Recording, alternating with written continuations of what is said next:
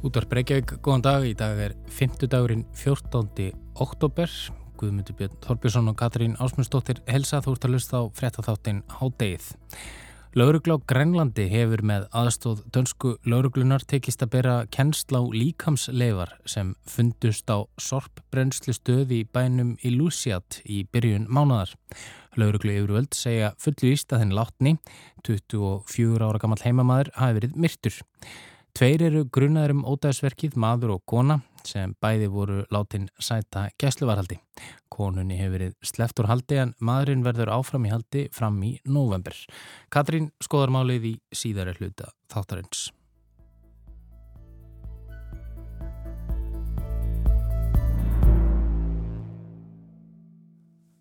Algorithmar eða reikni rít eins og það kallast á íslensku vinna úr öllum þeim gognum sem við skiljum eftir okkur á internetinu.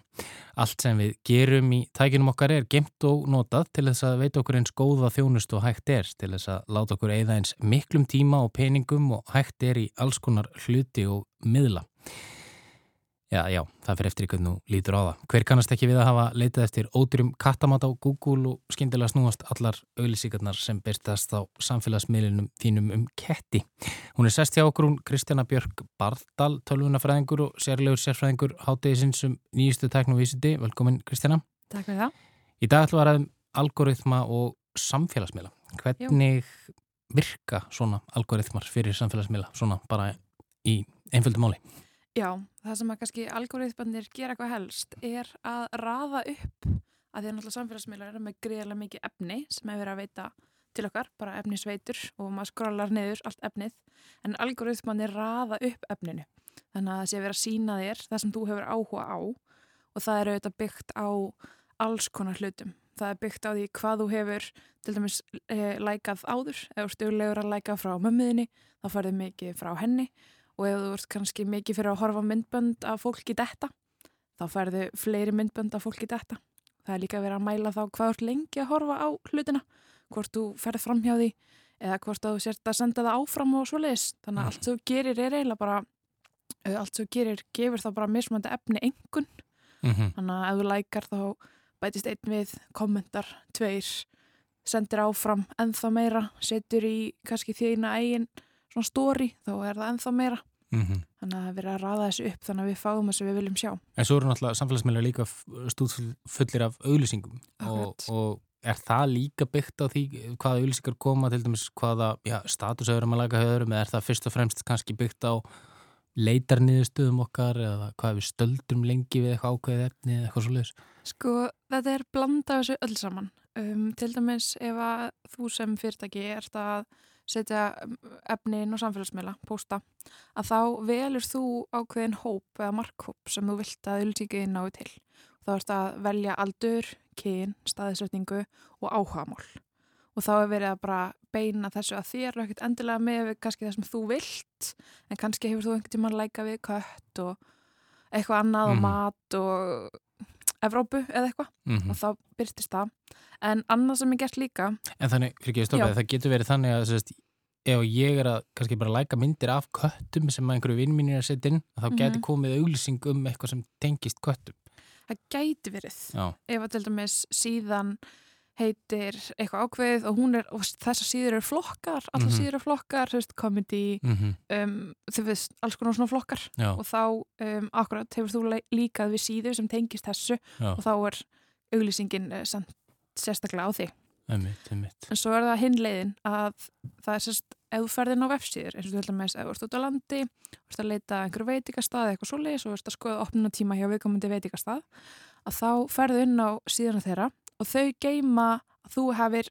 heimsótt síðuna mm -hmm. og þau geima þig og þá næst þegar þú ferða á Instagram eða Facebook að þá senda þau auglýsingu á þig Einmitt. Og er þetta þess að svo kvöldu vafrakukur? Er já, það það sem gerir það að já. þú talar um að geima mig? Já, það er sérst verið að geima staðsendinguna þína eða hvar þú ert að skoða þetta Þannig að þú ert að skoða þetta í símaninum, það farið þetta í símanin og svo auðvitað erum við með þetta allt hengt eins og við erum langt flest að nota sömu vafrana, mm -hmm. Just, Chrome, uh, Firefox og svo framvis og þá er líka verið að geima það bara innan vafrans. Þannig að þú ert að nota sama í símanum og, og fartölunni mm. en til dæmis kannski ef eins og makiðin er að skoða þínum síma að þá getur það byrst hjá þér. Þannig að fólk eru ofta eitthvað svona að hugsa já ok, við vorum að ræða þetta svo kannski fór einhver og virkilega leitaði af, af því af Já. Google á sama tíma Já. og þá er miklu líklega að eitthvað komið tengt inn hjá þér sko. Já, það er ekki þannig að símiðin sé að hlusta þig.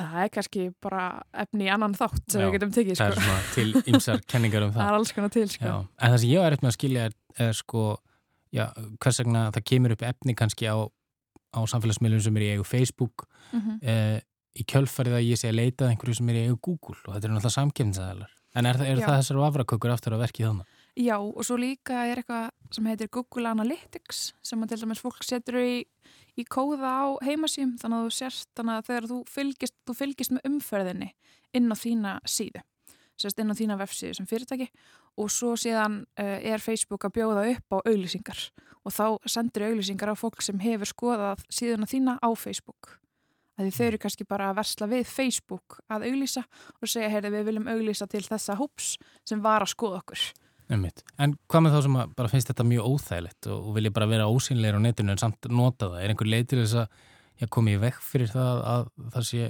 alltaf verið að fylgjast með því hverju ég hef áhuga og, og, og því Já.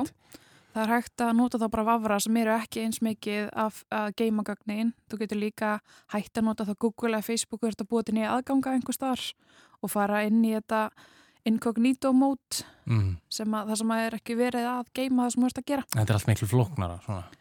Það er ekki auðvelt að fara og láta ekki fylgjast með sér heldur en hitt. Þannig að maður það bara vera mjög meðvitaður. En hefur maður valum að, að sagt, uh, einhver ákveðin síða fylgist ekki með þessum, kök, þessum vafrakökum eða geimi mann eins og kallar? Það er hægt en það er meiri vinna að gera það til að fá það í kringa þessi ekki verið að fylgjast með þér. Það er sem sagt, já, við sjáum það náttúrulega Facebook og Google þau bjóða manni alltaf upp á, já, viltu skráðig inn, hérna, þetta auðvelda manni að skrá sig fyrir alls konar þjónustu en, en kannski gerir það verkum að maður er auðveld skotmark, algjörlega þetta sömu upplýsingarnar allstar. einmitt. Kæra þakkir fyrir komin í hátægið, Kristjana, þú eru hér áttur að viku liðinni og þá höldum við áfram að fjalla um það nýjasta í tekni og vísindaheiminum en hátægið snýr aftur strax að loknum hátægisveitum.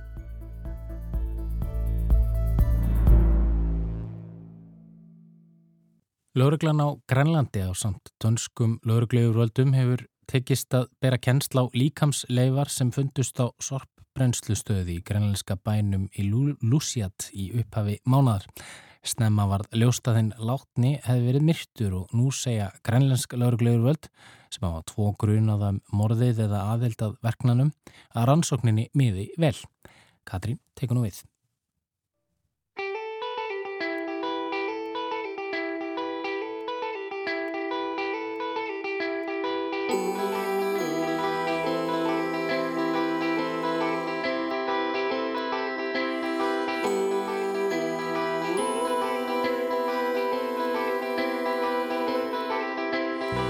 Það má gera sér í hugalund að laugadagurinn annar oktober hafi verið eins og hver annar vinnudagur hjá starfsmanni sorpbrennslustöðvarinnar í grænlenska bænum Illulisat tæplega 5.000 manna samfélagi.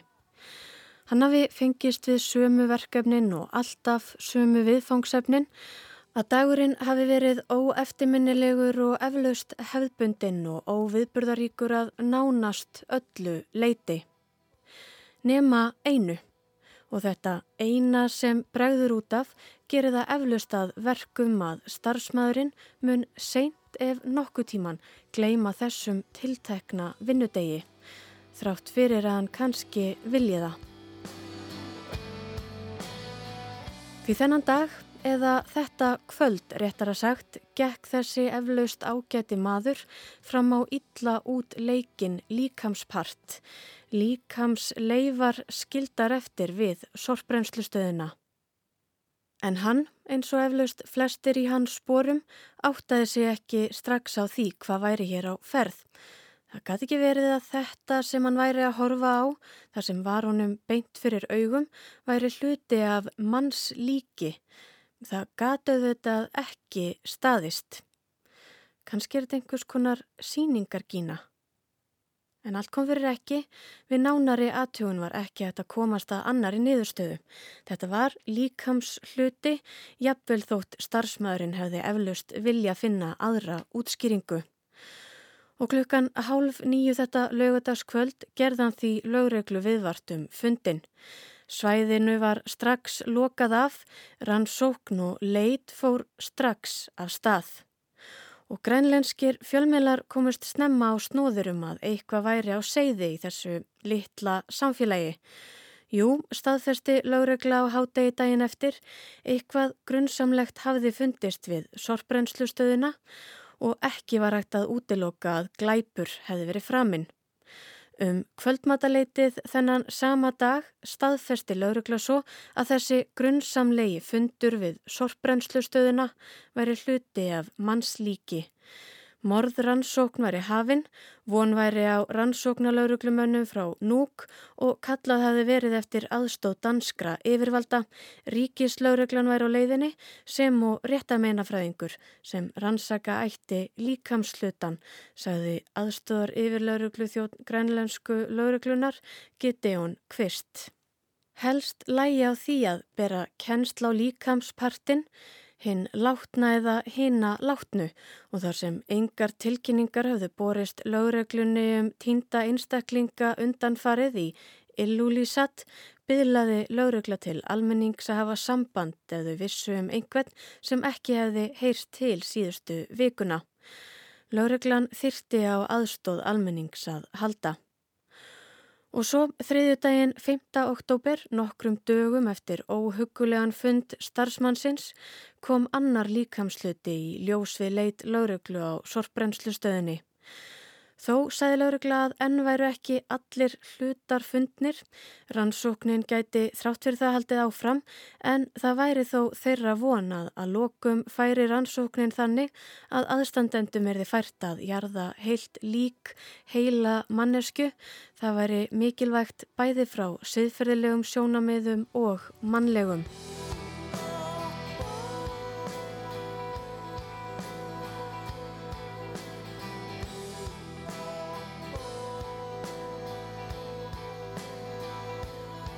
En þrátt fyrir að lögregla hefði ekki fundið allt sem hún leitaði eftir enn og þrátt fyrir að ekki hefði fyllilega og öruglega tekist að bera kennsla á hinn látna, hafði lögregla þó greinilega margt í höndunum því greint var frá því að dánar orsök lægi fyrir þó hún væri ekki gefin upp og setnipartinn á förstu daginn 8. november hann tók lögregla þrjá í tengslum við verknaðinn.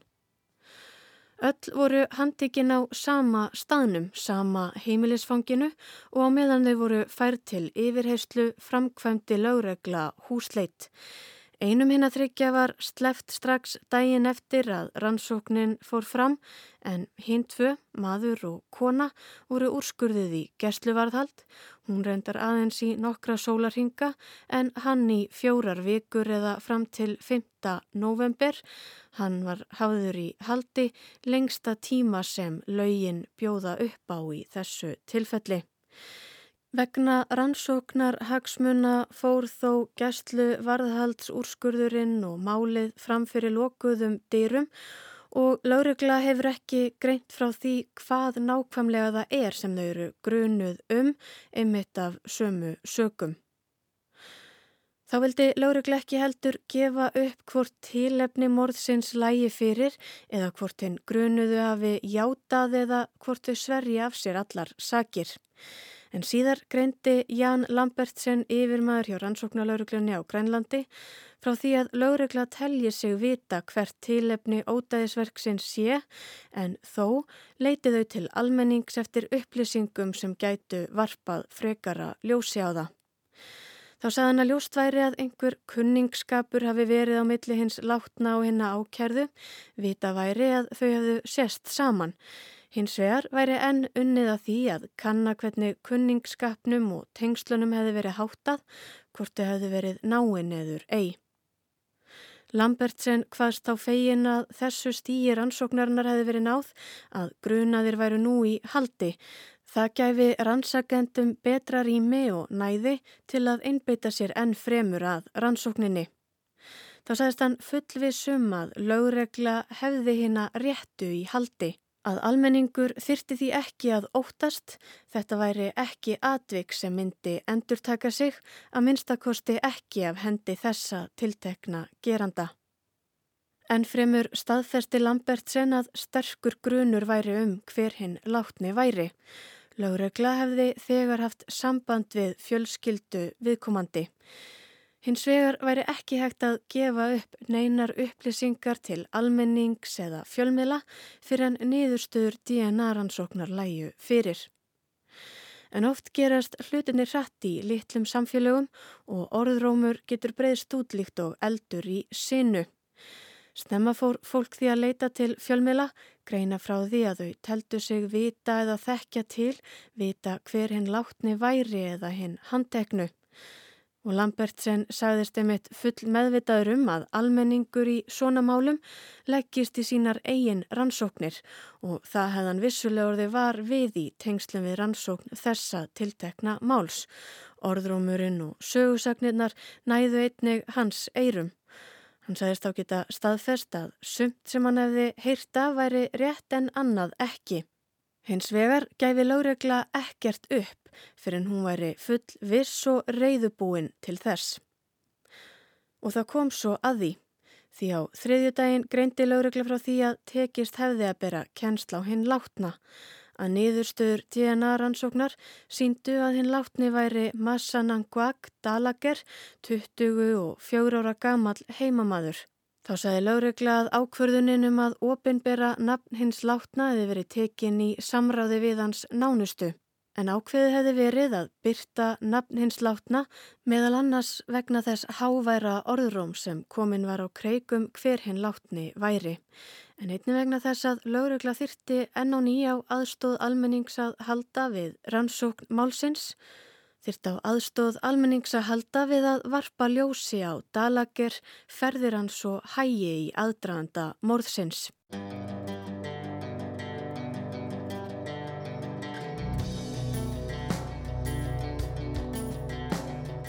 Þrátt fyrir að rannsóknin sé komin vel á veg, leit á sorpbrennslustöðunni sé lokið, starfi tæknimanna lokið og handtökur gerðar er þó enn eitthvað í land. En eftir undanfarna daga, strempna og stránga daga vonast lauruglan til þess að ná í land á næstu vikum að upplýsa málið til fulls. Nú hef ég st annars konar vinna, nú þurfum að leggjast í að raða saman öllum púslunum sem lögregla hefur sapnað saman við rannsóknina svo þau myndi eina heildar mynd, varpi ljósi á einhverja skiljanlega eða kannski óskiljanlega atbyrðarás. Mynd sem síðan má nota til að færa sönnur á þáttina grunuðu fyrir domstólum og ná fram sakvellingu og þannig að minnstakosti lagalegu réttlæti.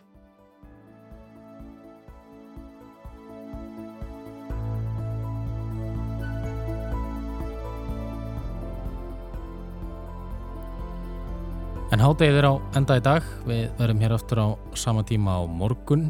Þátturinn er einnig aðgengilegur í spílaranum og á hlaðvarpsveitum og þá er þetta að senda okkur post með ábendingum á netfangið hádegið hjá rúf.is. Verðið sæl.